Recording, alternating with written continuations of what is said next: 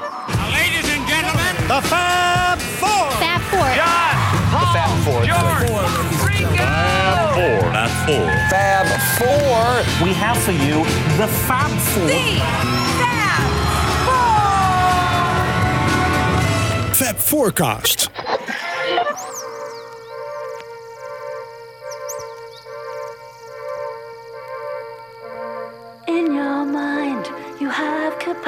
Capacities, you know, to telepath messages through the vast unknown. Please close your eyes, you concentrate. Together,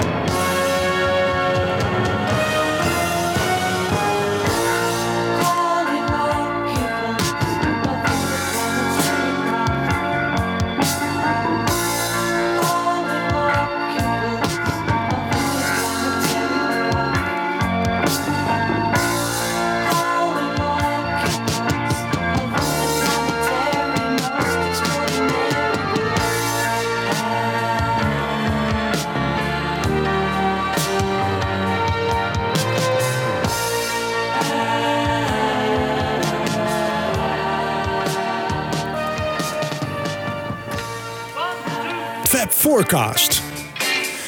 Ja, Fab Forecasters. Goedemorgen, goedemiddag, goedenavond en welkom bij een nieuwe show van Fab Forecast. Ik zit hier in de studio met Wiebo. en Jan Kees. nou, we hebben er nog zin in. Laatste Yay. show van eh, deze opnamesessie. Ja, wat gaan we doen? We gaan de luisteraar eens centraal stellen. Want wij krijgen in de loop der tijd, eigenlijk de afgelopen vijf jaar, hebben we ontzettend veel reacties gekregen van luisteraars op alle mogelijke manieren. Via Twitter, via de Facebook Messenger, via ons mailadres fabforecast.gmail.com. We zijn niet de meest trouwe en snelle beantwoorder van e-mails. Nou, Op Facebook vaak wat sneller.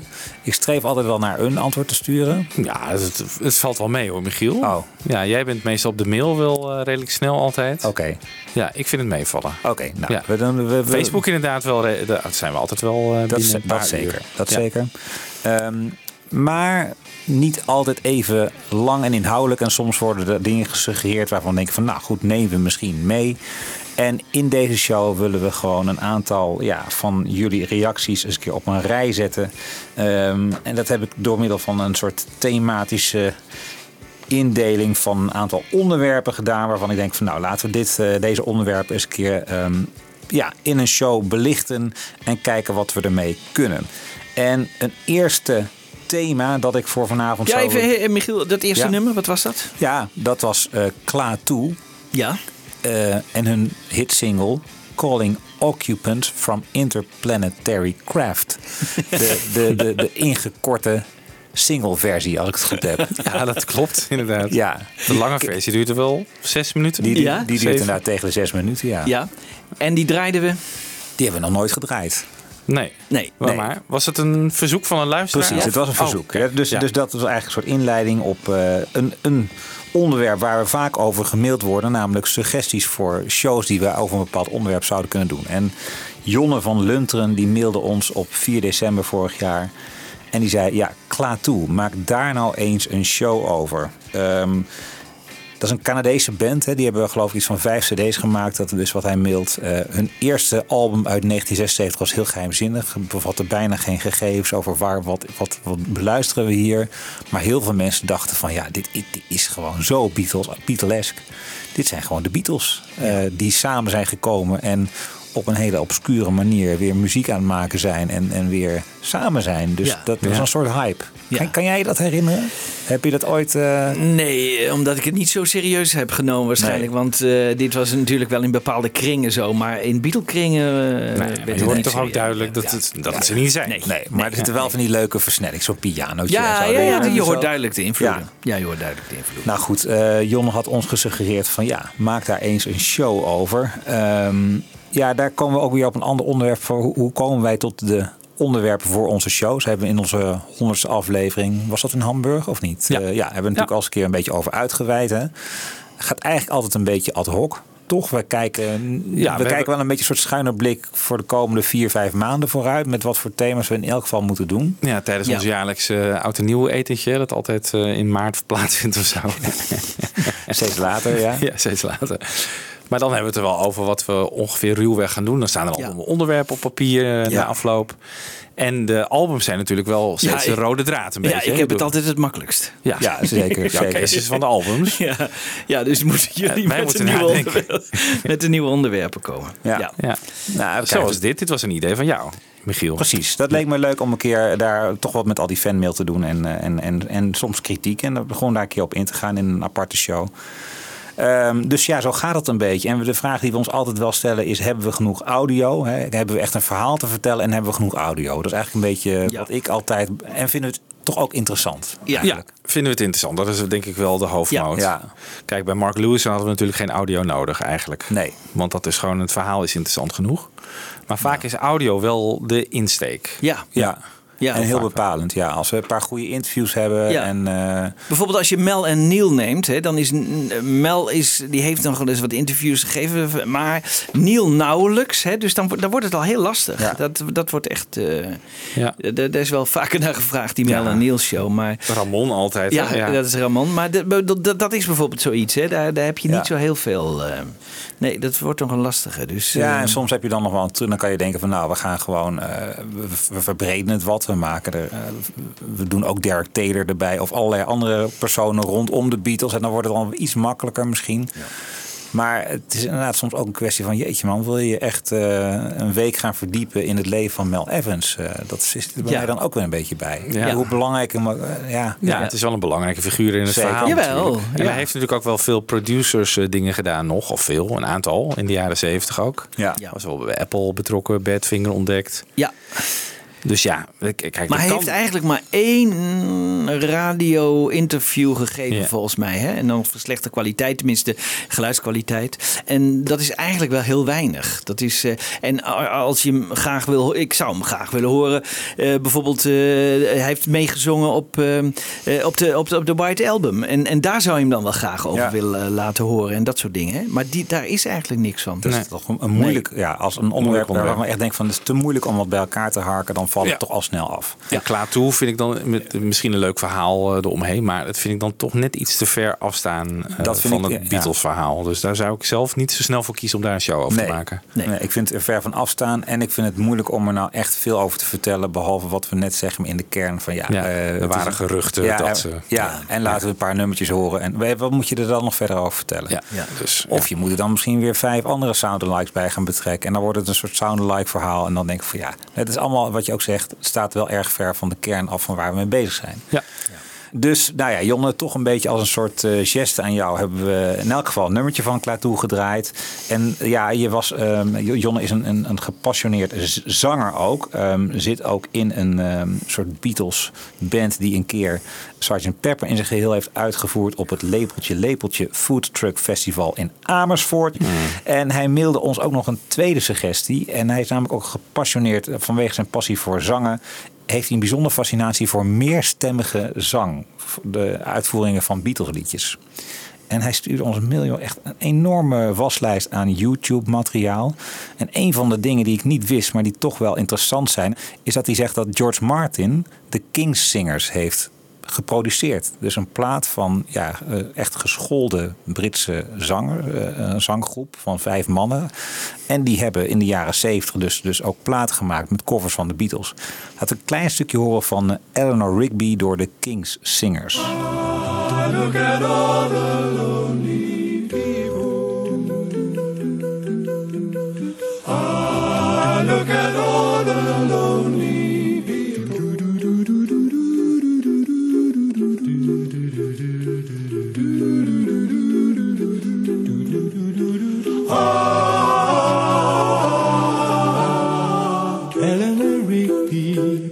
The rice in a church where a wedding has been.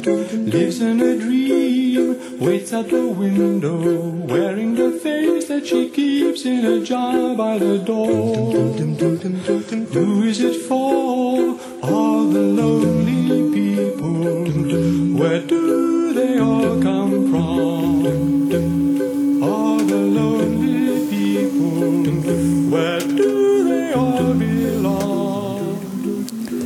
Ja, we krijgen een indruk. Ja, ik vind het interessant.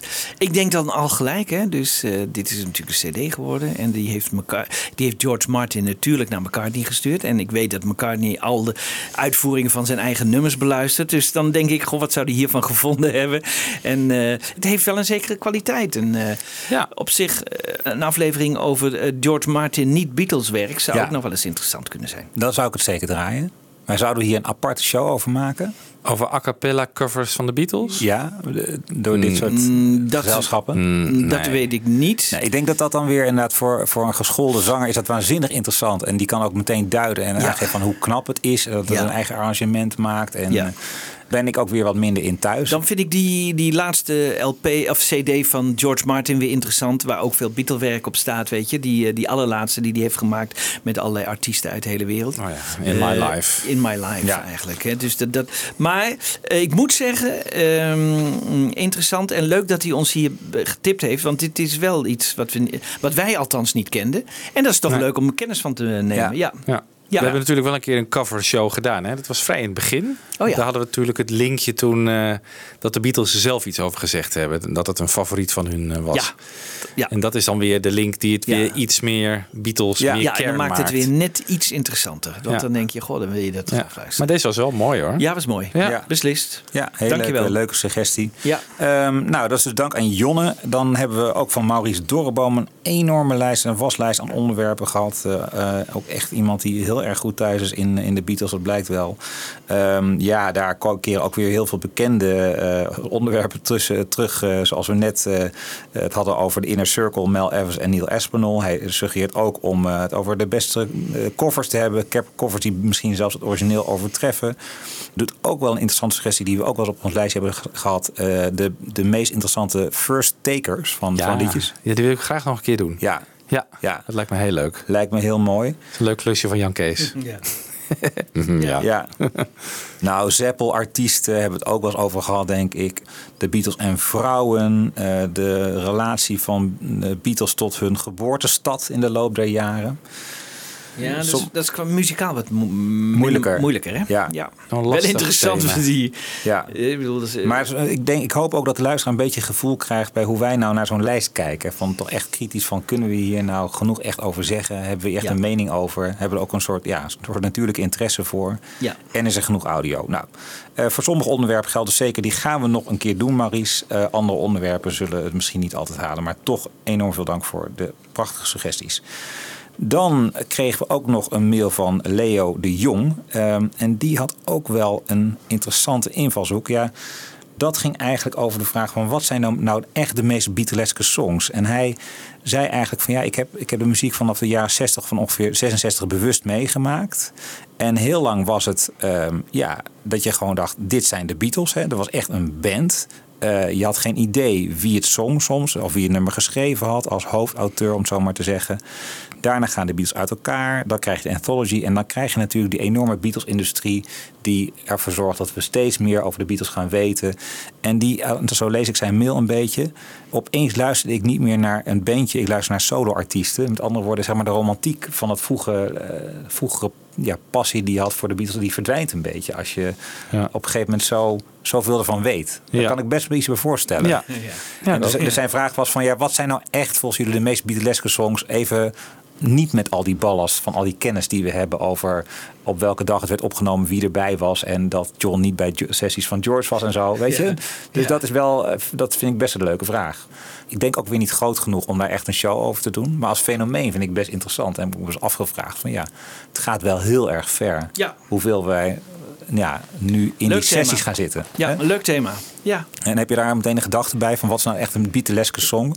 Ja, eh, dan denk ik toch gelijk aan de stemmen met elkaar. Hè? Dus, eh, Ja. ja. En dat kan best Because zijn ook al het- dat kan ja, Because ja. zijn. Of Carry That Weight of zo. Weet je wel, met, z'n- dat ze met elkaar zingen of weet ik wat. Maar het gezamenlijke.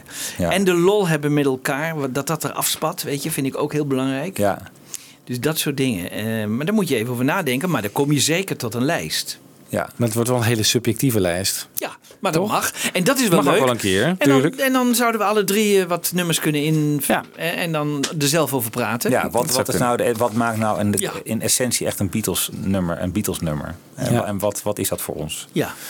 ja. Maar ik heb juist door al die kennis die, we hebben vergaard in de loop der jaren, sinds eh, de Anthology dan, dat er steeds meer bekend over hoe nummers opgenomen inderdaad, of John wil of niet er meespeelt.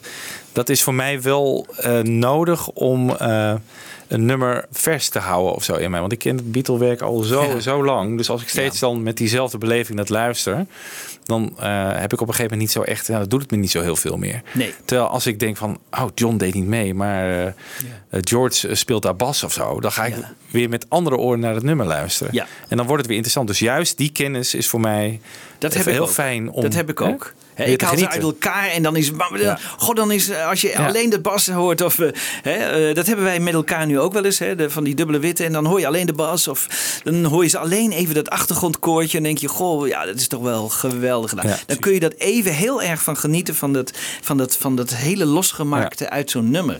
En dat is dan weer een hele nieuwe ervaring die je dan opdoet. En je gaat dan ook voor in de toekomst weer anders naar die nummers luisteren, toch? Ik Ja. bedoel, dan heb ik het wel in Dear Prudence. Als ik een gitaartje nu hoor en hoor hoe jij dat allemaal loslegt, denk van, Ja. oh jeetje, zeg, Ja. dat had Ja. ik nooit zo beluisterd. Ja. En het Ja. zit er wel op. En heel soms slaat het ook weer naar de andere kant uit. Dat je dan eh, gewoon, als je drie jaar Yesterday niet hebt gehoord en je gaat gewoon een keer zitten.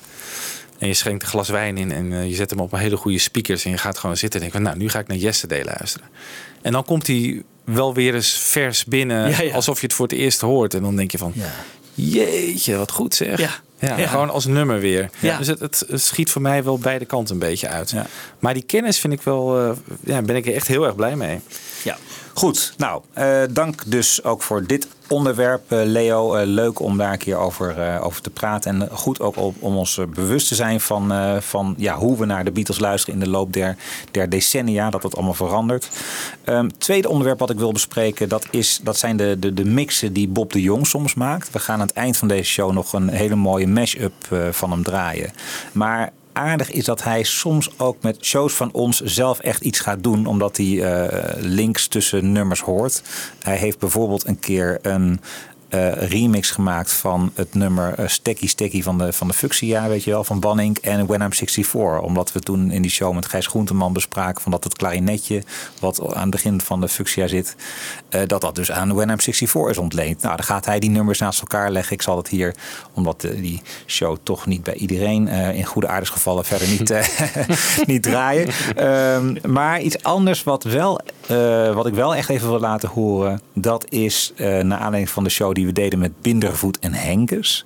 Toen hadden we Jorik eh, te gast die een paar nummers van de Beatles zong. Hè? It's Only Love, Norwegian Wood, Julia en I Will. En heeft hij allemaal van al die nummers heeft hij ze heeft hij ze aangekleed met het oorspronkelijke Beatles arrangement. Dus echt gewoon een volwaardig arrangement ervan gemaakt. En eh, ja, vind ik, vind ik toch heel leuk om te horen.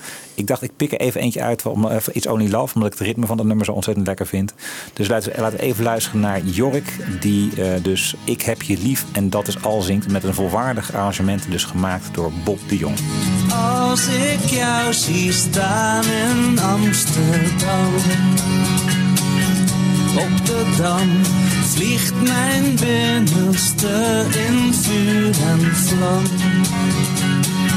Vuur vliegt vlam, hoe kan ik zo lang? Toen jij naar mij kwam. Ik heb je lief en dat is al. Ben ik een hopeloos geval. Ik heb je lief en dat is is zo'n ramp, hou ervan. Kan het dan dat dit mij overkwam? Man, oh man, onze band is waar mijn hart van brandt.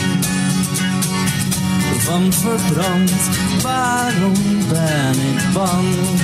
Ik door de mand val. En dat is al. Ben ik een hopeloos geval. Ik heb je lief en dat is al.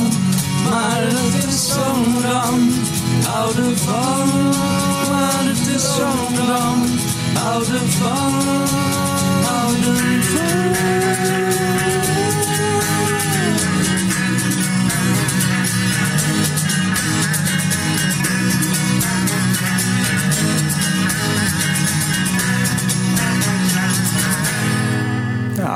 Way to go, Bob. Ja, Leuk, dat hè? is wel leuk.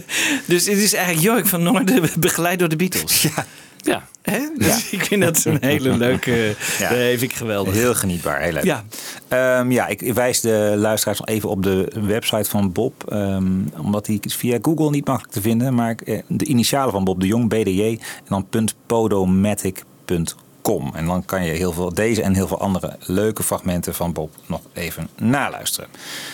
Goed, dan even een blokje ja, over allerlei onderwerpen, reacties. Ehm, dat is even een soort eh, restcategorie die ik ehm, kort wil bespreken. Heiko de Jonge, die mailde mij over het versnellen van nummers. eh, van, van, van onderdelen, weet je wel. eh, we nemen het langzaam op en het gaan daarna versneld afspelen. Nou, natuurlijk een onderwerp wat ontzettend vaak al in onze shows aan de orde is geweest. En hij legt de volgende vraag voor. Hij vindt het briljant natuurlijk, maar hij hoort bij ons geen woord over de lastigheid die dit met zich meebrengt, de toonhoogte goed krijgen. Wanneer je opnames versneld afspeelt, dan verhoogt de toonhoogte van het gespeelde. Je moet dus goed weten waar je mee bezig bent om de opnames goed klinkend te krijgen. Ja. Hebben we het daar nooit over gehad? Ja, ik weet het niet, maar ik dacht dat het- denk ik. Nee. Jan Kees heeft het natuurlijk wel vaak over de percentages. Hè? Van iets is Ja. 3% sneller Ja. of eh 8%. Wordt daar dan... Zijn dat Ja, ook er zijn wel, dat, dat, dat zijn dus wel je trappen. Hè? Dus dat is, niet- het is niet zo dat ze de ene keer zeven en dan acht en Nee, dan is altijd wel in een vaste toon. Ja, dat Dus, weten ze ook. Dat weten ze ook. Hè? Dus het, het is niet zo dat, eh, dat er maar een beetje... Hè, dat ze moeten gissen waar het wel op terecht komt. Want anders kun je ook nooit meespelen. Als je gitaar eh, meespeelt en zo, dan zit je nooit in een goede toonhoogte natuurlijk. Nee. Dus daar hebben ze dan waarschijnlijk wel voor gezorgd dat als het in E is opgenomen en het moet sneller, dat er dan in stappen gaat van F naar Vies naar G altijd wel in een zuivere toon. Ja. Hoger. Exact. Ja. Exact. Dus ja, en, en die Beatles doen alles eigenlijk eh, ja, intuïtief. En George Martin wist waar hij mee bezig was. Dus eh, zoals we onlangs eh, een keer hebben gehoord met, met Piggies, dan wordt hij gewoon in zijn geheel versneld. Dus daar hoefden ze geen rekening mee te houden. Kijk, als zij meespelen met een langzamere band, dan horen ze dus ook langzamer, horen ze in een andere toonsoort spelen met die toonsoort mee. En als die dan weer versneld wordt, dan zit hij gelijk goed. Dus voor hun was het misschien helemaal niet zo eh, heel ingewikkeld of moeilijk. Het is meer dat Nee, ze. Het dachten- is meer, het, denk ik, de, de eindmix. Als je die gaat versnellen, dat je dan wel zorgt dat je in een vaste toon Ja, gaat. Zoals en- Piggies bijvoorbeeld zal dan Ja. van E naar E-gis of zo. Ik weet niet meer, maar eh, Ja. in ieder geval, ze hebben zo'n kleine Ja. verschuiving. George Martin doet dat gewoon op zijn gehoor. Hè? Dus die denkt, oh ja, dit klopt. Hè? Nee, Ja. je moet nog iets, nee, dit is precies goed. Nou, en dan, dus dan, dan kunnen ze dat ook doen. En dan, eh, En, dan- en, en dus In My Life, de solo en... en Nou, dat, dat is makkelijk, want die is eigenlijk opgenomen in een vaste toonsoort. Maar die solo is gewoon ingespeeld door de backing track gewoon langzamer af te spelen. Waardoor je ook langzamer die solo kunt spelen. En daarna speed je hem weer op naar de oorspronkelijke snelheid. Dan wordt dan, het hoger. dan wordt wel- alleen de piano hoger, Ja. maar de backing track Ja. ga je gewoon weer Nee, naar de oorspronkelijke snelheid Ja, doen. en die werkt dan als een soort click-track eigenlijk. Hè? Dus Ja. eh, dan hoor je, eh, kan hij ook aan Ringo horen van... oh, dit is de maat ongeveer en daar moet ik Ja. in, Ja. Ja. in spelen. Maar daarom zijn ook vaak dat eh, toen ik dat eenmaal wist dat er zoveel met eh, eh, versnelling is gewerkt in Beatle nummers, verklaart ook een hoop. Want ik zat vroeger op pianoles of op gitaar spelen thuis. Dan zag je die akkoorden van de Beatles in hele vreemde toonsoorten. Bijvoorbeeld eh, in Gies of zo. Ja, dat verzin je niet. Nee. Dan ga je gewoon in G spelen. Ja. Maar dat komt natuurlijk omdat we die plaat hebben eh, beluisterd en zo hebben de noten hebben genoteerd. Oh, ja. ja. en die zat in Gies. Dus Ja. hebben ze alles in Gies gedaan. Oh, ja. Maar zo is het nooit opgenomen natuurlijk. Ja. Ja, ja. Nee, dus dat is ook wel weer leuk. Ja, daardoor ontdek je weer hele eh, grappige dingen... hoe dat allemaal geproduceerd is. Ja. ja. Maar dan is het dus wel de moeite als je het toch zelf willen proberen. Probeer het ook eens in G, zeg maar. Want het is, eh, wel zo, dat is wel makkelijker waarschijnlijk. Dat is wel makkelijker. Ja. Of als je gitaar speelt, doe je gewoon een capodaster op je gitaar. Oh, ja. je Zo'n klemmetje en dan eh, Ja, ja, dat kun zie je ik gewoon Jo- de normale ja, akkoorden dat zie ik blijven Jorik spelen. ook wel eens doen. Ja, dat Ja. is inderdaad waar. Ja, Ja, allemaal trucjes. allemaal trucjes. Goed, ja, ja Lien Hampel, ook een vaste luisteraar Ja, die eh, die vaak reageert. Heel leuk. Zij mailde ons naar aan- aanleiding van de show met Mark Lewison. Eh, de, niet, niet het interview, maar de, de verzamelde interview zeg maar, van afgelopen zomer. En was aardig. Dat gaat natuurlijk over de ontdekking van Mark Lewison dat de Beatles, eh, dat Paul en John elkaar ontmoeten op 6 juli 57.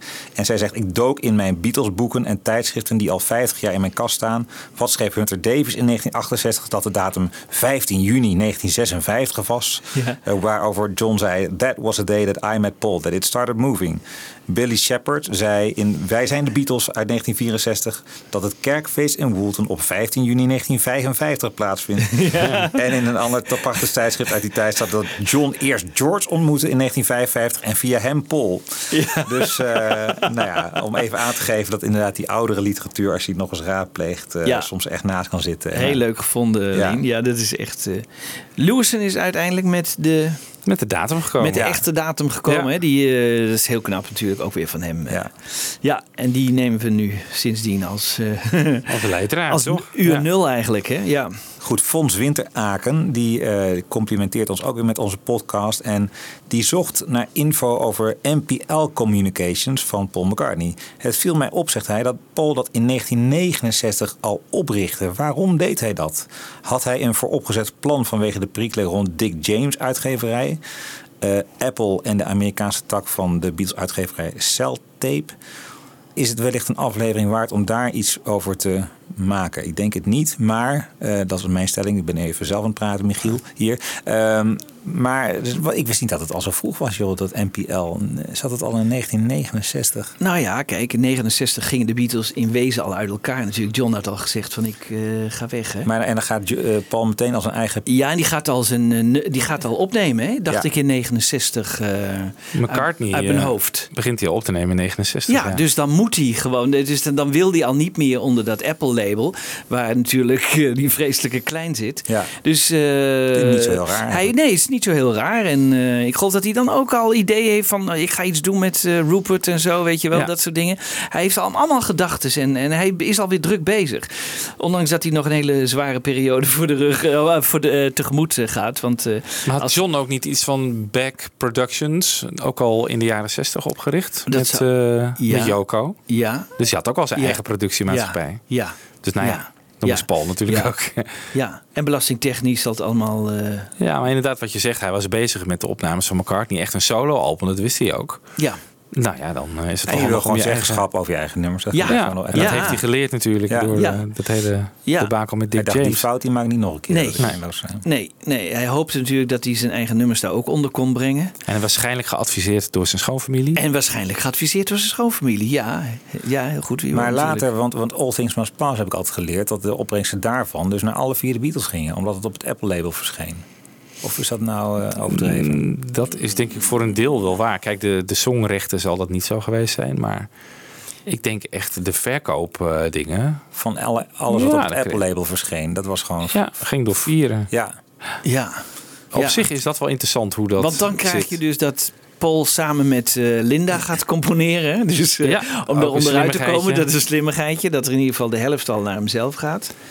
Dus dat is... eh, Die zakelijke kant van, eh, van allerlei muzikale beslissingen, die is wel. Of, Ja. of ja, Nou, eigenlijk dat boek van eh, Peter Doggett. dat gaat daar echt over. Ja. Dat gaat daarover. Dat Ja. had ik nog getipt eh, Ja, op Facebook als ja, een van mijn favoriete Ja, boeken. Dat is een geweldig boek. ja. Eigenlijk moeten we hem een keertje gaan benaderen. Ja, toch? Maar dan moet je wel dat boek helemaal opnieuw lezen. Want Ja. het staat zo chockvol informatie. En Ja. het is eh, binnen een maand ben je het weer kwijt. Dus Ja. eh, Ja. dan, eh, maar het is keer. wel echt Ja. ongelooflijk zorgvuldig allemaal op een rij gezet. Het is echt een geweldig boek. Ja, ja. Ja. Ik vond toch die Ellen Klein bi- biografie ook interessant. Dus eh, dan lees je toch dat McCartney ook nog een tijd met Ellen Klein eh, is meegegaan. Hè. Dat lezen we anders nooit, maar goed. en dat, nee, dat, dat is een hele interessante periode, hè, waar we het nu eigenlijk ook heel over hebben gehad eh, met Ja. Lewison. Ja. Dat is eigenlijk eh, heel boeiend. Ja, Ja. zeker. Ook omdat het tot diep in de jaren tachtig natuurlijk nog doorgaat. Al die zakelijke ellende. Ja. Nou, zo komen we pratend al wel op een onderwerp, toch? jongens? ja. mooi. Dus bedankt Fons. We Ja. gaan ermee aan de slag. Ja. oh ja, Ehm, we hebben ook nog de secret tapes van McCartney. Dat hij, eh, dat is dacht ik uit midden jaren tachtig. En dat hij met de Eastman zit te vergaderen. En die tape is ooit gestolen. En dan hoor je hem echt over die Beatles praten. Nou, daar lusten de honden Nee? geen brood van. Nee, dus het is een interessante tape. Dus, eh, Heb jij die tape? Ja, die heb ik. Dus eh, Top. Die zouden we ook nog eens eh, hè, da- daarin mee kunnen nemen. Ja. Interessant. Ehm Marty Biesmans, die mailde ons en dat ging over die doodshow die we volgens mij begin dit jaar deden. Waarin die Stan Lee eh, ter sprake kwam. Weet je wel, de, de tekenaar. Ja. Ja. Toen had het over de connecties met Marvel. eh, Ja, precies, met, Marvel met Comics. McCartney en Ringo. Die Ja. Ringo die die als eh, En we hoofdpersoon kregen wilde. al op Facebook toen reacties van nee, nee, nee, er is wel meer, meer te melden. En hij heeft het ook over iemand, een, een fictief personage, namelijk Rocket Raccoon. Uit de strips van Marvel Comics. Oh. Die eh, verschijnt in ehm The Incredible Hulk nummer 271. en die heeft als titel Now somewhere in the black holes of Sirius Major there lived a young boy named Rocket Raccoon. Waarin de Hulk Rocket helpt om een schurk te stoppen die Gideon's Bible wil stelen. Geweldig. Geweldig, ja. Ja. Ja. Wat leuk. Ja, dat is nou leuk. ja, kijk, als ik dat, als ik dat voor, een, eh, voor 50 euro op een rommelmarkt kan, kan krijgen, dan, dan leg ik dat gerust neer hoor. Dat eh, zo'n tijdschriftje. Dat Ja. mooie dingen. Ja, heel leuk. Ron Bulters, nog even, eh naar aanleiding van de Bed In Show. Ja, Wiebo, wil jij dat anders even voor je rekening nemen? Dat Ron was- Bulters. Ja, Ja, over Hans Boskamp heeft hij ons eh, gemaild. Ja? Eh, ik beweerde toen natuurlijk eh, dat Hans Boskamp eigenlijk gewoon een, eh, een praatjesmaker was. Volgens mij waren dat mijn woorden.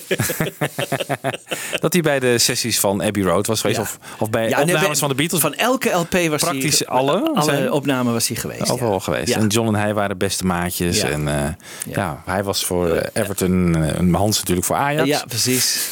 Nu mailde Ron, dat was wel grappig. Die zei van vorig jaar zat hij in een uitzending met de zoon van Hans Boskamp. Ja. En, Mick. Ja. Ja? Oh, die is Mick Boskamp. Ja, Mick, ja, ja, oké. ja, ja, ja, Mick. En Ron die vroeg hem toen van eh, hoeveel, hoeveel waarde moeten we nou hechten aan die, aan die opmerkingen van zijn vader. En wat hij toen zei, die zoon, over zijn eigen vader. Ja. Mijn vader was een pathologisch leugenaar. Oeh, dus, nou ja. Ja, Er zit toch wel een kern van waarheid in dat hij een praatjesmaker was. Pathologisch leugenaar, dat zou ik nooit zeggen. Maar ja, ja grappig. En eh, wat hij ook nog zei, we hadden toen een oproep gedaan over wie eh Petula Clark eh, zou spotten in de Give Peace a Chance clip. Ja. Die zou van jou wat krijgen volgens mij. En Ron die, die heeft haar gevonden. In een officiële zwart-wit clip van het nummer is ze prominent te zien op 4 minuten 10. Oh ja? Hij heeft een screenshot meegeleverd. Dus ik weet niet wat jij beloofd hebt, Jan Ja, een, eh, een poster. Die krijgt hij van mij. Een poster. Ja, ja. Nou, Ron. ja, ja. Maar daar zal Ron heel blij mee zijn. Een poster. Nee, een bijzondere poster uit de, de kamer van John Lennon, maar dan een repro. En, eh, nou, eh, uit 69, die is toen gemaakt. Maar dat is dus heel erg leuk. Ja. Ja. Nee, goed, krijgt hij. Ehm, Dat was nou, Ron. dat waren even de, de, de verspreide reacties over allerlei onderwerpen. Dan wil ik graag het onderwerp Paul McCartney en zijn omgang met de dood Och, ter sprake Ja, brengen. jee, ja. Naar aanleiding van dit fragment uit het programma Door andere ogen van Fons de Poel. McCartney's leven is ook een leven vol tegenslagen. Maar in zijn publieke rol laat Paul, die vrolijke jongen uit Liverpool, zelden of nooit de pijnlijke kanten zien. Ook niet als in 1980 John Lennon wordt vermoord. What time did you hear the news? It's this morning sometime. Very early? Yeah. Don't know, yeah? Drag, isn't it? Dat kan hij niet, hè? McCartney kan niet reageren op zoiets. Dat kan hij echt niet. Ook niet als zijn grote liefde, Linda, net als zijn moeder, overlijdt aan borstkanker. Die dood, die, die heeft aardig met hem meegereisd, hè? Ja. Maar het is ook iets waar hij op geen enkele wijze mee om kan gaan. Hè? Dus hij heeft daar moeite mee. Al hebben de mensen nog heel dicht bij hem gestaan. Hij bezoekt nooit een begrafenis. En dat is echt heel bijzonder. Mel Evans, dat is de roadie die alles met hem heeft meegemaakt. Gaat dood, gaat hij niet naartoe. Eh, Neil Aspinall, die later directeur van Apple is geworden... die heel close met hem was, gaat hij niet naar de begrafenis. George Martin, de producer van de Beatles... als hij doodgaat, gaat hij niet naar die begrafenis toe. Ehm, zijn eigen vader, in 76, gaat dood... gaat hij niet naartoe. Blijf, blijft gewoon in, in, in Amerika. Hij ontloopt de dood. We got some old songs. We got some old Ehm, ja. Ja? Ja, ja, Jan Kees. Ja, ik dit, doe heeft, dit heeft echt de nodige reacties eh, Ja. losgemaakt. Dat hebben we ja, in een besloten groep op Facebook. Dus dat zullen we allemaal niet hier uit de doeken doen. Maar ook Huub de Vaan, hoor, die heeft ons eh, Ja. een reactie van... waarom is het belangrijk hoe iemand met de dood eh, omgaat? Is er maar één correcte manier? Ik had, ik had Nee, eh, nou, dat- even voordat je erop ingaat, een beetje toch ook wel met je te doen. Want er was ook de kritiek van, ja, in zo, in- we horen niks nieuws in dit programma. Hè. We, we, eigenlijk, we, het is een Nederlands publieke omroep, dus het is niet, misschien niet zo raar dat we niks nieuws horen. Aan de andere kant, het heet door andere ogen. Dus je hoopt ook weer op nieuwe invalshoeken. Je hoopt toch misschien weer een soort verfrissend gezichtspunt te horen.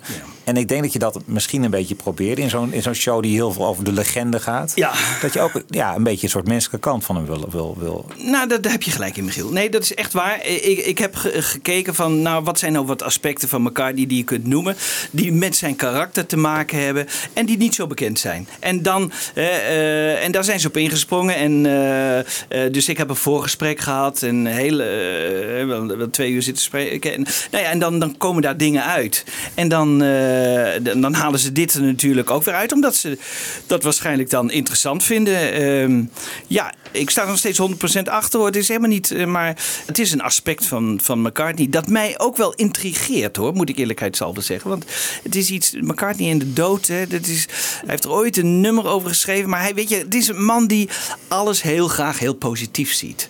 En ik denk dat dat ook het probleem is bij hem. Hij, hij, dit is natuurlijk, de dood is, daar, daar kun je niet omheen. En ik denk niet dat het is van eh, eh, dat hij niet herkend wil worden. Of, eh, want dit zijn natuurlijk bepaalde begrafenissen, zijn natuurlijk in hele kleine kringen. Zijn vader was natuurlijk een hele kleine kring. Neil Aspinall, een hele kleine kring. Dus daar, daar, keken de mensen ook niet van op als hij daar zou zijn eh, gekomen. Dus dat is niet de reden waarom hij daar niet komt. Maar ik denk dat hij zich gewoon eh, niet fijn voelt. Hij wil liever dingen van. Wa- Wat hij wel doet, en dat. dat en ik bedoel, het is ook niet zo dat hij altijd. eh, hij gaat wel eh, eh, nog één keer naar George Harrison toe. Hè? Dan, dan, dan weten we, dan houdt hij zijn hand vast en dan, dan is hij bij hem. En dan hebben ze nog een heel goed gesprek. Hij gaat nog één keer naar Neil Aspinall toe en hebben ze een hele goed gesprek. Want eh, hoe Neil daar is weggegaan bij Apple is natuurlijk ook niet zo leuk geweest. Ik, ik denk dat McCartney daar een grote zeggenschap in heeft gehad. Hè? Want die is in wezen is hij toch daar ontslagen. Dat heeft uh, Lewison ook gezegd. Dus dat is. eh, de, maar dan zie je toch dat ze nog één keer weer even samen zijn. En hij had dat ook met John Lennon natuurlijk ook graag willen doen. En dat, dat, dat, dat cultiveert hij een beetje. Van ja, ik heb met Lennon op het laatst nog goed gesproken en et cetera. Want hij had natuurlijk het liefste ook zo'n persoonlijk gesprek. Maar hij heeft natuurlijk die laatste jaren Lennon ook niet meer gezien. Maar dat had hij wel het liefste gewild. En ik denk, dat is wel iets. Hij probeert wel een soort persoon. Maar die echte dood en dat. dat uh, ja, wel in zijn nummers. Dat was ook een beetje de kritiek die af en toe klonk. Want hij heeft natuurlijk wel eh, Little Willow en. en, en ja, maar dan is het meer een ode aan aan, aan Maureen. Hè? Ja, misschien is gewoon de klap van het moment of zo dat hij daar niet mee om kan gaan. Weet dat je, denk ik. Het drama daarvan dat hij daar gewoon automatisch afstand van neemt. En dat er dan gewoon hele ja, lullige dingen gebeuren, zoals It's a Drag. Of ja. dat hij niet naar, de, naar zijn vader gaat. Hij heeft ja. op zijn minst wel een opzienbarende relatie met de omgang met de dood van iemand. Ja. Dat, daar is wel iets mee. Ik, ik, las volgens mij ook iets over uh, Mike McCartney, zijn eigen broer. Die zegt. Uh, Eh, dat was zijn reactie op de dood van zijn vader, hoe Paul erop reageerde. He would never face that kind of thing. Ja. Dat zegt al genoeg. Zijn eigen broer zegt dat. Paul kan er niet mee omgaan. Nee. Met, nee. met zo'n verlies, denk Hij ik. stopt Ja, dat weg. Too much Ja. is het voor Ja. hem. Ja, nou, Ja. Weet, nou denk, denk ik van even over dat citaat van John. Hè. Dat was natuurlijk, je treft iemand op, eigenlijk met allemaal draaiende camera's op een voor hem extreem traumatische dag. Hè. Ja. Het is Ja. gewoon, het is Ja. En dat je dan misschien niet een soort persstatement klaar hebt. Ja, en, en maar even een ander je- punt. Ja, mag je, even, kauwgom kauwend. Ja. eh, Ja. maar weet je wat? Doe het dan niet. Nee. Doe, doe dan gewoon dat raampje dicht en zegt sorry. eh, Of zegt sorry, ik kan, kan niet reageren, het is te emotioneel. Of weet ik wat. Maar, zeg, maar ga ze niet proberen toch te woord Nee. staan. Want Nee. dan gaat het Dit was een slecht idee. Nog even één ding wat Ja. ik daar wel... Mark Lewis heeft ook een soort verklaring voor geboden. Die zegt van ja... Kijk, als je naar McCartney kijkt... eh, want er zitten natuurlijk beelden van. eh, je ziet iemand die gewoon met een soort verbeten blik... extreem eigenlijk vooral geïrriteerd is. En waarom is hij geïrriteerd? Volgens Mark Lewis omdat hij de hele avond op eh, tv heeft gezien hoe de heiligverklaring van Lennon al ter plekke die dag begint door de Amerikaanse en Britse pers. Eh, Hij was de Beatle. Eh, De Beatle Ja. is overleden. Ja, dat steekt hem. Dat steekt hem. Dus hij, het is niet zozeer misschien alleen maar van ja, ik, ik kan er niet mee omgaan. Maar die, dat It's a Drag, dat is ook echt gewoon een, een, een uiting van extreme irritatie. Ja. Ja. En ik wil best geloven dat de echte emotie, dat hij die in Here Today heeft eh, Ja, tuurlijk. uitgedrukt. Ja, dat kan hij heel goed. In, in muziek omzetten en, en een ode aan iemand brengen en dat soort dingen. Dat, dat is hij ongelooflijk goed in. Zou het nog Ja. het trauma van zijn, het overlijden van zijn moeder zijn? Dat zou heel goed kunnen. Dat, zou Dat was natuurlijk ook, dat was ook een reactie die hij gaf toen. Hè? Dat, dat lees je ook in boeken. Van eh, hoe moeten we het nu zonder haar geld eh, redden? Ja. Dat is Ja. natuurlijk ook een hele gevoelloze Ja. opmerking Ja. na haar dood. Ja. Ja. Ook zoiets, eh, een beetje ongepast, ook eh, Ja. vreemd. Heel, heel, heel, heel bijzonder. Dus er is wel iets met Paul en de dood. Dat, dat vind ik wel. Maar inderdaad, in zijn muziek kan hij het wel uiten. Ja. Misschien met iets meer afstand dan op een gegeven moment. Dan kan hij er gewoon voor gaan zitten. En kan hij een heel mooi nadenken over een mooie eerbetoon. En, maar sindsdien, ik vind dat hij nu heel veel... Ja, er zijn waarschijnlijk ook al wat mensen die dan wat verder van hem afstaan. Maar op Twitter maakt hij hele mooie epistels over die. Maar daar is natuurlijk ook over nagedacht. Dat, hè? Ja, is dat van hem of is dat van Stuart Bell? Ik weet het niet hoor. Eh, Ja. Die kan met hem bellen en zegt nou wat zal ik erin zetten of zo, weet je. Dat zou, dat zou kunnen. Ik weet het niet, maar... eh, Soms zijn het hele persoonlijke verhalen waarvan ik echt denk van ja, dit is in ieder geval of Bel ingefluisterd of, eh of McCartney zelf. Hè? Ja, maar, ja, maar- ja. Of hij heeft ervan geleerd inderdaad. Dat Ja. hij gewoon eh, denkt van nou... En bij George, toen George dood ging, hè, toen eh, verzamelde die pers dan zich een Peace March op die weg daar naar zijn huis. Toen is hij daar speciaal naar gekomen. Maar toen zag je ook, dan, toen had hij een soort verhaal in zijn hoofd. Dat wilde hij kwijt, hè, My Little Brother of zo, weet je wel. Ja, baby brother Baby zoiets, ja. Brother. En eh, dan, dan, maar dat, hij- dan was ook overlegd. Ik bedoel, nou zeg nou wat goeds. Hè. Ga niet diezelfde fout weer Nee. in als bij John Lennon. Want het is hem ook vaak aangewreven. En Ja. ja. Maar goed, als je er niet zo in zit, dan is zo'n opmerking natuurlijk Paul de PR-man. Ja, ja. je denkt, hem- hij denkt er misschien dan op dat moment niet meer na. Maar ik vind het ook vreselijk dat hij dat heeft gezegd. Ik vind het echt vreselijk. Ja, ja. Ja, nee, dat is het ook. En ook dat al is ben je geïrriteerd Ja. en dan nog, weet ja, je wel. Ja, ja, ja. En dan met kauwgum kauwend Ja. en dan het raampje even naar beneden. Ja, oh. Ja, dat gaat mij ook door merg en been. Ja. En iedere keer als ik het weer zie. Ja, ik kan er ook niet naar kijken. Nee, nee. nee. nee. je wil eigenlijk niet dat hij gewoon zo in de fout gaat eigenlijk. Nee. hè? nee. Nee. Nou, we hebben het onderwerp eh, in ieder geval weer een klein beetje kunnen toelichten. En ook in wat meer minuten dan we hadden gekund in dat, eh, in dat eh, tv-programma. Ja, shows die soms onverwacht veel reacties uitlokken. Dat is een ander thema waar we even iets kort over willen zeggen.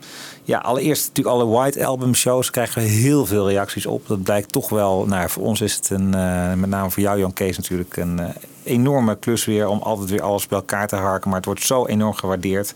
En leuk is ook de, de reacties die we krijgen. Veel mails onder meer van John den Exter, die ook zelf eigen mixen maakt. Eh, en ook zelf met theorieën komt. Bijvoorbeeld over het nummer Mother Nature's Son. Waarvan we zeggen van ja, dat is Nature Boy van eh Nat King Cole. Hè, daardoor geïnspireerd.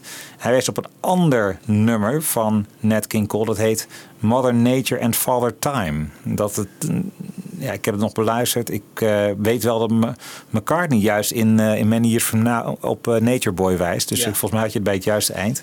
Maar interessant dat dus Nat King Cole ook een nummer heeft gemaakt dat Ja. Mother Nature heet. Ja. Ehm, Leuk dat hij dat even meldt. hij heeft Ja. ook speciaal voor Wibo iets gedaan met de handklapjes. eh. want eh, ja, hoeveel waren het ook weer? Je hoorde er vier in de laatste mix. Ja, eh, ja, en er zitten eigenlijk vijf in, Ja, geloof ik toch? Nou, hij is speciaal voor jou dat op dit punt gecorrigeerd. Eh, kom maar even in.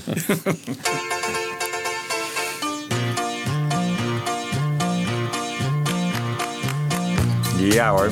Hoppakee. Ja. Dankjewel, John. Heel leuk, John. Ja. Geweldig. Heel leuk, ja. Hij heeft ook een ander, eh, ander punt wat hij wil maken. Hij zegt van ja, zoals jullie opmerken, was het nummer was het moeilijk om Wild Honey Pie te remixen. Ik denk dat er tijdens de opname van een aantal nummers met de stabiliteit van de recorders is geëxperimenteerd. Ik was in die tijd dat dit album uitkwam ook zelf bezig met dit soort dingen. Een extra rubbertje of wieltje om de aandrijfwieltjes van de bandrecorder eh, te doen was heel interessant. Of gewoon met de hand de draaiende spoelen een klein beetje tegenhouden. Luister bijvoorbeeld naar Party Seacom van George's Wonderwall Music, is uit dezelfde tijd.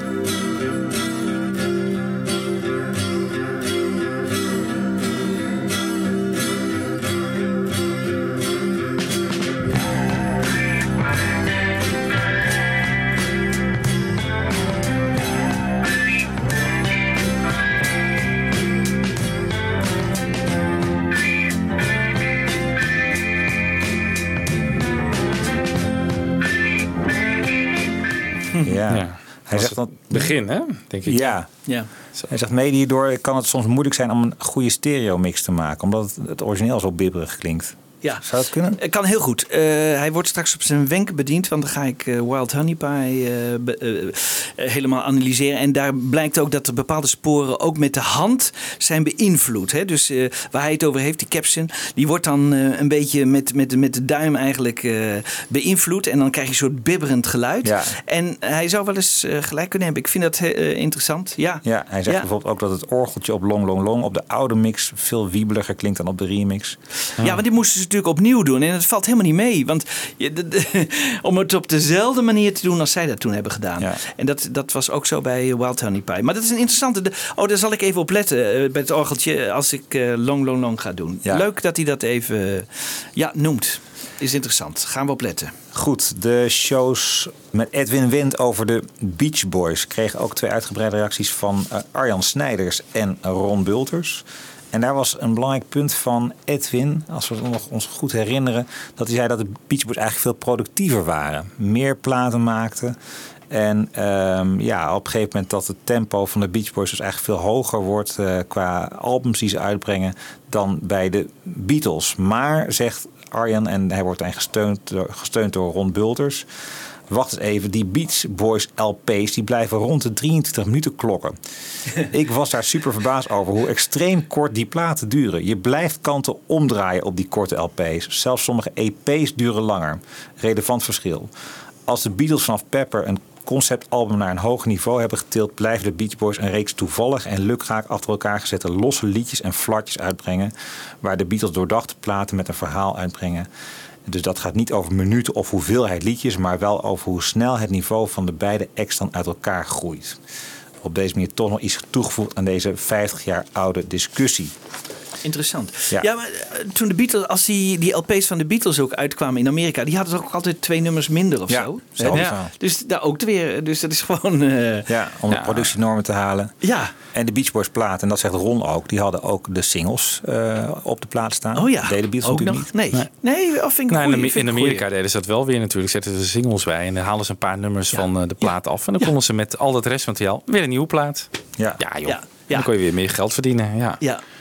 Ik, blij, ik vind trouwens, die, ik ben wel met Arjen eens hoor. Die, die latere Beach Boys platen, die hebben niet iets, een conceptueel geheel of zo. Maar die, die losse flartjes zijn soms heel lekker. Eh, Hmm. Ja. hoe heet het ook alweer? Op eh Surf's Up en zo. En, en, en dat soort plaatsen staan, staan van die korte, korte stukjes. eh, soms maar een minuut of zo. Maar toch eh, ja, zeer genietbaar. Maar goed, het is geen, geen Abbey Road materiaal. Daar ben ik het graag mee eens. Goed, dan eh, de reacties van eh, Martijn Bosma en Ramon Doornbos op de Red Rose Speedway en Wildlife albumshows.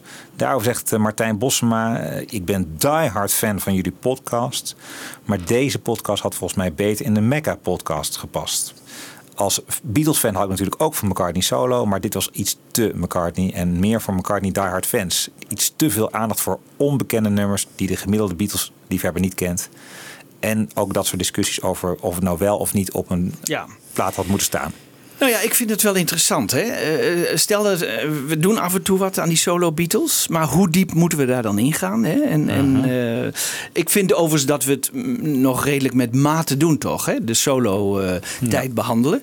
En, maar ja, dan vind ik het, ik vind het dan wel interessant als het dan wat dieper gaat en waar je ook wat van leert en waar je wat, wat aan hebt. Maar ja, dan kun je nog verschillende kanten op. Hè? Je kunt. eh, Ik vond het bij Retro Speedway wel heel interessant, omdat je zoveel eh, materiaal hebt dat niet is uitgebracht. Wat voor keuze je Paul had kunnen maken om, eh, nou, wat mij betreft, een sterker album te maken. Maar dat is dan mijn mening. Maar Ja. het is natuurlijk, Paul heeft het destijds zo besloten. Tenminste, hij wilde eigenlijk wel een dubbel album uitbrengen, maar eh, dat Oh ja. wilde de platenmaatschappij niet. Maar ik vind het wel leuk om over te filosoferen. En ik meen ook echt met oprecht dat ik het dan een sterker album had gevonden. Dus dat is misschien dan een soort what if. Ja, daar kan je over twisten. Maar Ja. ik vind het ook wel leuk, toch? Om, ik om vind het heel daarover veel, te hebben. heel veel what-if discussies niet interessant. Eh, Nee. vaak van die dingen van ja, wat als de Beatles nou eh, in 1982 bij elkaar zouden zijn gekomen of weet ik veel. Nou, dat, daar kan ik niks mee. Maar bij dit album eh, lag notabene de vraag voor, moeten we er een dubbel album van maken? En Ja. zo, ja, Ja. hoe gaat het er dan uitzien? En er Ja. was een enorme stapel materiaal, dat horen we op die box terug. Dan is het niet raar dat die what-if discussie eh, hier wordt gevoerd. Nee, nee vind en ik dat we ook laten horen van wat had er dan op kunnen staan. Precies. Het was het punt van Ramon, die zei van ja, ik hoor een hoop wat als ik zou en hij had. Nee, zegt Ramon, dit is gewoon hoe Paul zich toen de tijd voelde. Het is een momentopname en bewust gekozen voor ons als fan een mooi document. Ehm, Nou ja, maar dat kun je erin meenemen in die dat discussie. Is ook zo. Het is ook Pauls beslissing in die Ja. tijd geweest. En Ja. dat is interessant om dat te analyseren. Want waarom heeft hij voor een softer album gekozen? Ja. Ja. En wat rockier tracks afgelaten? Ja. En dat Nou is ja. ook weer interessant. Hè? Heeft dat te maken met de tijd? Of eh, Ja. eh, eh, misschien wel met de bazen van de, van de platenmaatschappij die daar een keuze in hebben Het nog voegt hebben toch een nieuw perspectief op dat album toe, Ja. vind ik. Het voegt echt iets toe aan de discussie over en de manier waarop je een album leert waarderen. Ja. Ja. Eh, het dat is zegt ook wel de functie van die boxen. Ja. En hoe Paul een album samenstelt. Dat vind Ja. ik ook interessant om Ja. over na te denken. Ja. Nou ja, ik Ja. denk wel, we- we- een punt waar ik Martijn toch een beetje gelijk aan geven is, we, we moeten en ook genoeg aandacht aan George en, en, en John en, en, en, en waar mag ook Ringo blijven, blijven schenken. Ja. Dat, Ja. niet, dat staat niet zozeer in zijn mail, maar ik denk dat dat er toch ook wel mee samenhangt. En dat is ook een vraag die wij onszelf wel stellen. Van, eh, van McCartney is er natuurlijk zoveel. Eh, we hebben gewoon inmiddels bijna 50 jaar weer muziek, eh, 40 jaar muziek van hem solo alleen. Hè, weet je? Dus Ja. dat, daar, Ja. daar zit zoveel tussen dat interessant is. En ook vanuit een muzikaal oogpunt interessant is. Nou, ik denk dat we gewoon nu de belofte moeten maken om één van de solo meesterwerken van de Beatles eh, te pakken. Dat is natuurlijk All Things Must Pass. En die, daar is ook genoeg bijzonder materiaal van te vinden. Ja. Dus ik denk dat we die eh, maar eens even bij de kladden moeten Ja. grijpen. En, van eh, Lennon dan ook nog wel een album. Misschien Walls and Bridges of, of Plastic Ono Band. Plastic Ono Band, heel Ja. interessant. Ja, Plastic Ja. Ono Band. Ja, ook veel outtakes van. Ja. Gaan we Maar doen. goed, gaan we doen. Leuk. Nou, dan een blokje Anne Hurenkamp.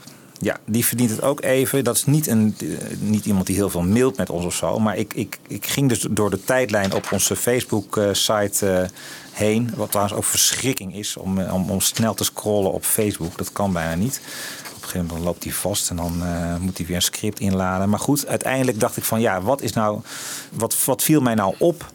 Ja, dat zij toch wel een enorme belangrijke toegevoegde waarde heeft voor onze podcast. En ook zeker voor onze, de manier waarop we ons op Facebook presenteren met haar consequent aanhoudende blogs, columns. En elke week weer. En Ja, elke week op hoog niveau. Elke week eh, is het inderdaad Ja. goed verzorgd, interessant, goede research, leuke fragmenten. Ja. Nou, het is echt een, eh, het is ontzagwekkend. Want inderdaad, we weten zelf ook, ook dat het wel zwaar kan zijn. Dat je gewoon, eh, dus constant maar al die jaren gewoon die show moet blijven maken. Maar blijven, Ja. moet blijven jezelf motiveren. Ja, je moet altijd weer die motivatie uit jezelf halen. En zij doet dat nu al jaren. En eh, Ja. dat vind ik wel echt eh, fantastisch. Ja. Ik dacht, ik wil een paar dingen noemen die me opvielen. Ehm, ten eerste wel een bijzonder momentje. En er gebeuren zoveel interessante dingen dat je het bijna zou vergeten. Maar op 11 september 2018 werd zij werd een tweet van haar rechtstreeks beantwoord door Paul McCartney. ja. Weet je dat nog? Ja. ja, dat is natuurlijk geweldig, hè? En nog, waar, weet je waar het over ging? Ja, Ik weet het nog wel. Nou, Bibo? Over de blazers. eh live Oh ja, de blazers, ja. En ja, dat, en, en, ja, heeft het, eh, ja of, die, of, die, of die blazers niet mee konden in de dingen. Dat vond ik echt geweldig. Ja, dat was En het goede nieuws dat dat inderdaad ging gebeuren, Ja. zei Paul. Ik neem blazers mee op tour. Nou, daar Ja. lopen wij al jaren over voor te pleiten. Ja, en zij eh, met een tweet. eh ontzettend vind ik echt nee, vind ik fantastisch. Vond ik fantastisch. Vond ik zo leuk. Ja. Nou, ik vond het vroeger al heel, heel wat als mijn vragen werd beantwoord eh, in, eh, in Club Sandwich. Hè. Dat was zo'n blad van Paul McCartney. En als je naam daar dan in stond en ze gingen dat eh, voor je beantwoorden en zo. En dan vroeg ik wat voor nummers speelt hij allemaal voordat de show eh, begint, weet je wel. En dat werd dan helemaal. Nou, dat vond ik wel geweldig. Maar als je door de meester zelf wordt beantwoord, dat is echt de top. Dus Ja. nee, het is echt geweldig. Het is echt fantastisch. Ja. Nou, dan eh, ja, een van de columns die mij... Ik pik er maar gewoon even eentje uit. De show over... eh haar column over Mecca Unplugged.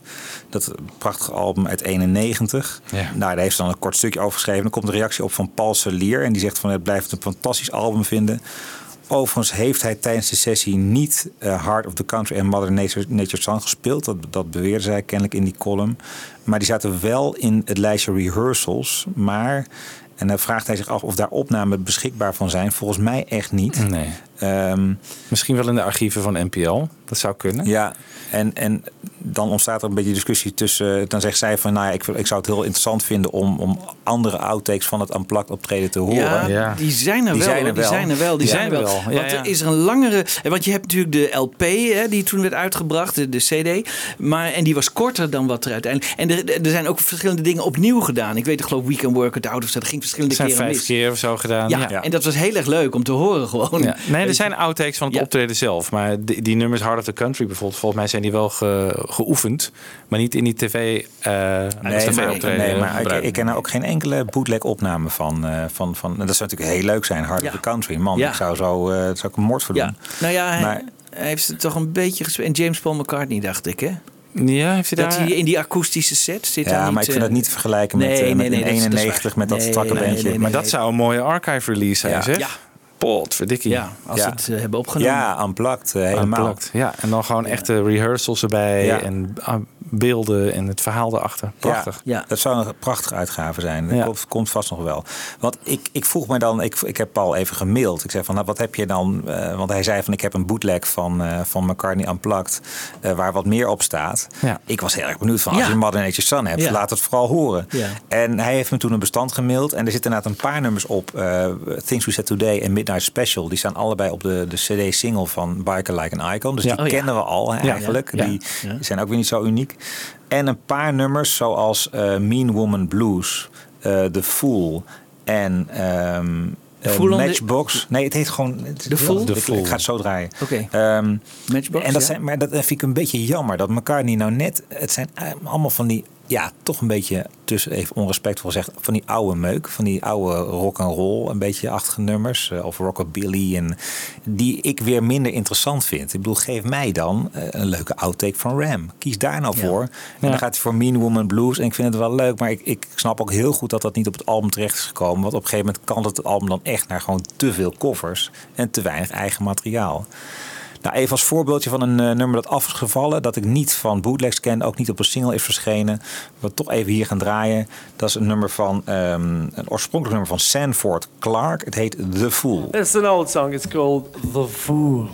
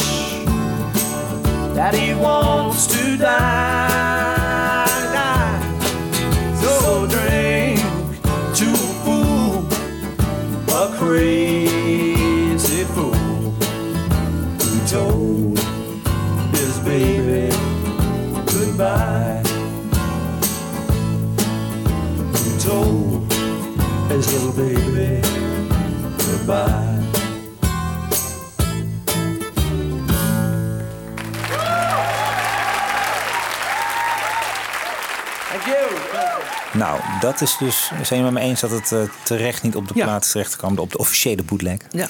Ja, Maar dit komt dus wel uit eh, het, het officiële programma eigenlijk. Het is niet de rehearsal, hè? Nee, nou, het is echt. eh, ik heb ergens on- online ook nog wel een hele playlist gezien. Het is echt een vrij lang optreden geweest. Twee keer zo lang, denk ik wel, als, Mm. wat, we, Ja, ja. als wat we op de plaats staan. Ja. Ja, het bestond al voornamelijk uit covermateriaal. Ja, dus. heel veel Matchbox heeft hij ook gespeeld. Dus dat Mean Woman Blues, Midnight Special. Ain't No Sunshine, twee versies. Dus dat is ook wel weer interessant. Eh, Ja, speelt die die drums, vind- hè? Ja, Ja. Ik vind dat, die vind ik wel heel mooi trouwens. Ook opvallend hoor, zo'n cover van Bill Withers. eh, Ja. wat is Het zingt dus- Hamish dan, hè? Ja. Ja, dan zingt het ook heel goed. Goede zanger Ja. was dat. Ja. Ja, nee, dus dat eh, zeker. Ja. Graag in een archive-versie eh, een keer op de markt brengen. Ja. Andere column, en die raakt ook wel weer aan een eh, onderwerp dat we echt nog een keer moeten behandelen, zijn de goede sessiemuzikanten bij de Beatles. En zij lichten er op een gegeven moment Nicky Hopkins uit. Ja. Ja. Ja, joh. En Nicky Hopkins die heeft natuurlijk zoveel mooie dingen gemaakt. Vooral de manier eh, ja, waarop hij dat Imagine-album, gewoon de hele kleur van het album bepaalt eigenlijk. Hè? Nou, hij heeft ook een dramatisch leven gehad. En dus, eh, zet, zet, zet Anne heel mooi op een rijtje. Eh, en aan het eind zegt ze van, nou ja, wat, wat, wat kiest zij dan als het ultieme Nicky Hopkins moment? En dat is wel heel mooi. Zo helemaal geïsoleerd zijn pianopartij in Jealous Guy. Duurt even 1 minuut 10. Laten we het even draaien.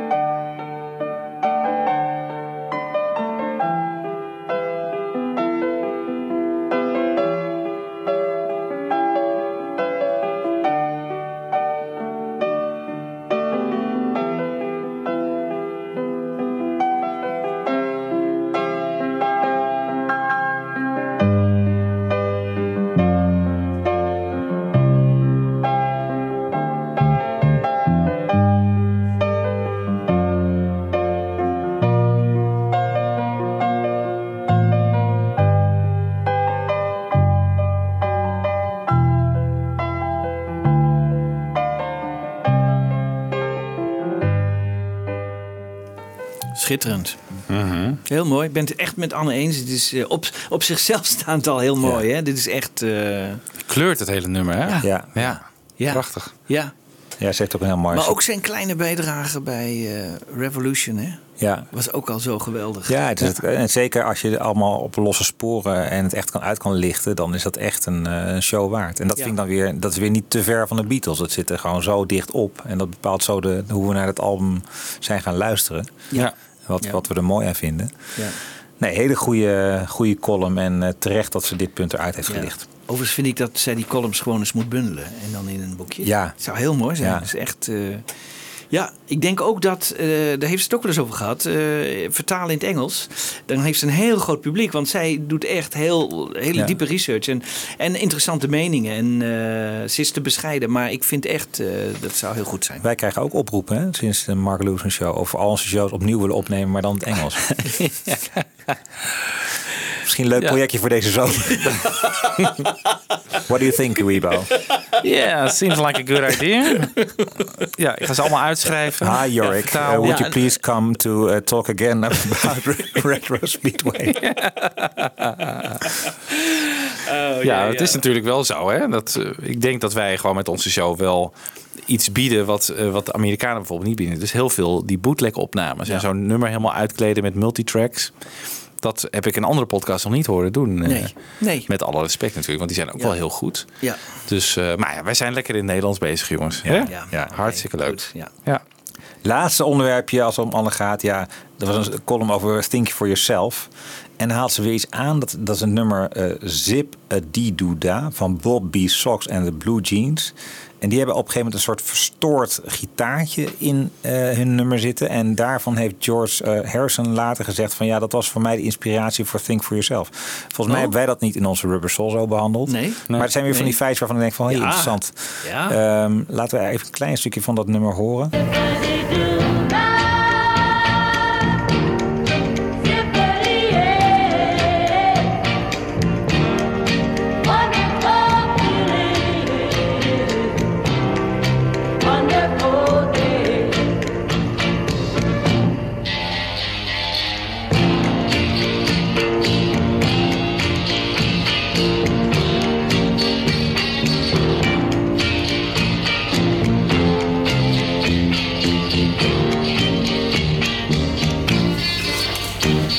Ja. Ja, zo'n fuzz eh, Ja, gitaar. leuk. Ja, zo- Leuk. Het was kennelijk een nummer van Phil Spector. En het was, eh, ja, het was een foutje in de studio. En Phil Spector zei, "Ja, klinkt wel lekker, laat het maar lekker staan.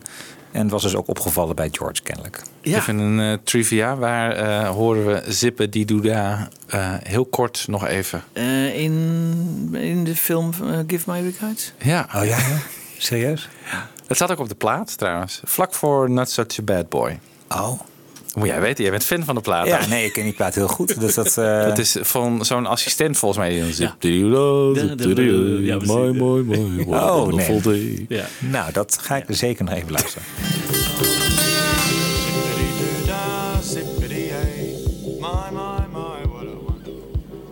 Trouwens ook een film die ik niet, niet gezien heb. Dus, eh, dat, eh, Michiel, ja, echt? Ja, ja, ja. Jij en eh, slechte Beatle-films. ja daar ben ik slecht in, ja. Klopt. Heb je Son of Dracula wel eens gezien? Ik kan, McCartney kan niet omgaan met die dood en ik kan niet omgaan met Beatles-films. Hard Day's Night blokkeer en ik Help. gewoon. Ja. maar de rest heb je wel gezien, toch? Ja, ja, tuurlijk. Ja, gelukkig. gelukkig. Ehm, ja, Anne die gaat ook weer optreden, dat noemt hij even, op 1 november 2019 op Ja. Abbey Road Show in Ja. de Deventer Schouwburg. Dat gaan we samen doen. ehm, Beetje orkest, met ja. Bertolf en Ja. Bertolf. Dat is Dus leuk. ga erheen. Ik, ik wil Bertolf eh, laten spelen en elkaar niet laten zingen. Dat, ik hoop dat het gaat lukken. Dat zou ik zou heel leuk vinden, weet je. Dus dat Ja. wij... Oké, we gaan wat experimenteren. Dat wordt leuk. Ja, waar ik nog even kort op terug wil komen, dat is op eh, een van de eh, laatste shows eh, over Yellow Submarine, samen met Peter Puntman. Daar aan het eind hadden we het over de songtrack. En toen heb ik dus drie keer een fragment van Eleanor Rigby naast elkaar gelegd. Eentje uit 2009, eentje uit 2015 van de OnePlus en eentje van de soundtrack. En toen zei ik van, nou, dat hikje dat op een gegeven moment in, als Paul begint te zingen, dat schiet dan geloof ik van eh, beide eh, oren naar één oor toe. Van Eleanor Rigby. En toen zei ik dat dat in de eh, OnePlus remix zo was gelaten door Giles. Er werd op Facebook daarop gereageerd door onder andere André Evers. Die kwam ermee. Die zei van, ik ben toch even gaan luisteren naar de verschillende versies van Eleanor Rigby. En op de cd die bij mijn Blu-ray set zit, zit het bewuste stemhikje niet. Wel op de remaster van het One album uit 2011. Dat is nog van de oude mix van 2009 natuurlijk. De Spotify-versie van 2015, die daar remaster wordt genoemd in plaats van remix, heeft hem ook niet. Vraag is dus, welke versie hebben jullie nu in de podcast laten horen? Of zijn er verschillen in de persingen? Hey. Toen dacht ik even van, hmm, oké, ga het even terugluisteren. En het klopt inderdaad, gewoon twee keer hetzelfde fragment ingestart. Dat is toch ook niet handig, hè? Dus in de 2015 eh, remix van Giles zit dat hikje niet. Dus laten we nu even dan, voor de volledigheid, het goede fragment... Ik moet wel oppassen nu dat ik echt het goede fragment draai... van Eleanor Rigby 2015, zonder hikje. Look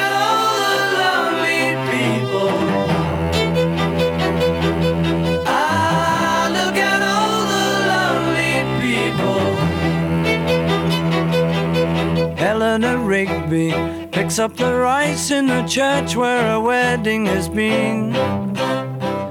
We hoorden inderdaad dat hij hier nu niet in zit. Nee, precies. En uh, nou, hebben we mooi recht gezet. Hebben we even recht gezet. Ja, dat maar, is al fijn maar leuk, show. leuk dat ze, dat, ze, Ja. dat ze ook controleren. En dat Op ze die manier wordt er dus Ja, ook geluisterd. Ja, nee, vind ik fantastisch. Ja, En, eh, ja. Ja. Ja. Ja. Nu leek het Michiel wel leuk om deze show eh, te eindigen met een aantal eh, bloopers die, die wij zelf hebben gemaakt. Ehm, want eh, bij het monteren van de shows, dat ik altijd doe, eh, verzamel ik af en toe even wat, gewoon wat geinige dingen die ik eruit knip. Die eh, ja, niet in de show passen natuurlijk, maar heel grappig zijn. Ehm, leek ons wel leuk om er even een paar achter elkaar te zetten.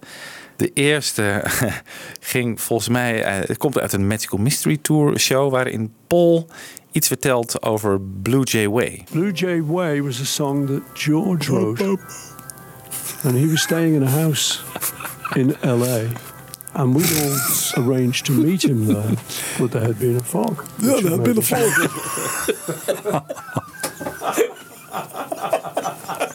Nee, dit kan niet, jongens. Blue Jay Way.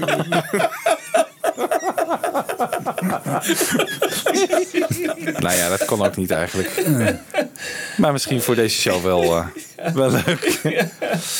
Ja, het ging dan om eh, inderdaad. Wat, wat klonk hier slecht, hè, Paul? Ja. Ja. Weet je, Ja. zijn Ja. praatstem was gewoon bijna helemaal weg. nou ja, goed. We hebben ooit ook een eh Egypt Station eh, show opgenomen. Eh, en dat was Michiel via de telefoon. En volgens mij zaten we naar een fragment te luisteren. En opeens eh, hoorden we iets vreemds.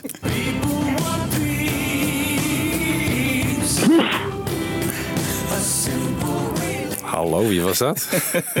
Dat was ik, sorry. ik dacht nog dat ik mezelf eh, kon, eh, eh, dat ik de microfoon beschermde. Nee, ik had het alweer openstaan hoor. Ja. Misschien eh, moet je even dat uitknippen. Ja, niks messigs is mij vreemd. Dat, wel. Heel goed. Ja, Heel grappig. goed, heel leuk. Heel leuk.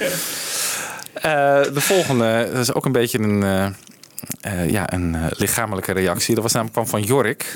Die zat hier flink aan de cola tijdens eh, de Retro Speedway Show. En eh, ja, dat kwam op een gegeven moment een beetje naar boven. Ja, ja en ik moet ook nee. zeggen dat als je kijkt naar de songlijst van het dubbelalbum... heb- Sorry, de cola die we dronken. Eh, dan, dan heb ik toch heel erg het gevoel... eh, Heel leuk, ja. Ja. Eh, op een gegeven moment eh, hebben we het volgens mij bij eh While My Guitar, denk ik, over Smokey Robinson. Ja, het gaat wel een beetje ver, maar ik denk dat hij net kan in deze show. Komt-ie. Het is We ook een een, keer een show doen over eh, de invloed van Smokey Robinson op de Beatles. Want Nou. eh, hij keert ook al terug in eh While My Guitar. Hè? Dus, eh, ja, Zeker. En in George's solo eh, Ja. Ja. carrière, Pure Smokey. ja, Schitterend nummer. ja, ja. Ah, weet je, die gaat vast nog wel eens overlijden of niet? Hij zei, als het even kan in december, want Ja. dan hebben we wat meer materiaal voor onze doodshow. Valt het nog tegen dit jaar? Ja, ja, ja. Ze blijven echt achter. In december moet er echt nog wat gaan gebeuren. er moeten er nog wel een paar omvallen hoor. Je kunt toch moeilijk een half uur over Shell als naar voren gaan praten. Oh ja, dat is nou, die heeft toch geen enkele... Ja, misschien een cover gedaan. Ja, yesterday. Nee, Yesterday. When I was young. When I was young. ja. Kon die, jongens? Ja, Of, die eh, kan wel, Ja, ja. die kan wel, hè? Ja, maar hij leeft gelukkig Hij leeft nog. Hij ja, leeft hoor. nog. Gezondheid. En ik ook nog heel lang. Ja, Smokey. Ja, smoky. Niet te veel smoky. Ehm, de laatste blooper ehm, gaat, ja, dan moet ik even uitleggen dat eh, wij zitten, het is nu bijvoorbeeld, nu we dit opnemen, even kijken, is ook alweer kwart over twaalf. Best laat. En om eh, wat tijd te besparen, draaien we soms de eh, hele nummers die we dan in de shows draaien, maar even een fragmentje en dat monteer ik er dan later het hele nummer erin. Om even, hè, besparen op die manier tijd. Eh, dat is een de show over, ehm, waar we een gedeelte over Aretha Franklin hebben. Is dat ook gebeurd. Maar ze heeft natuurlijk wel een prachtige cover van Eleanor Rigby opgenomen. En laten we die nou eens even gaan draaien.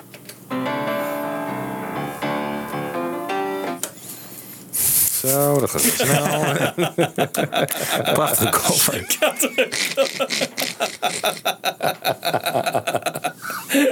en door. Oké.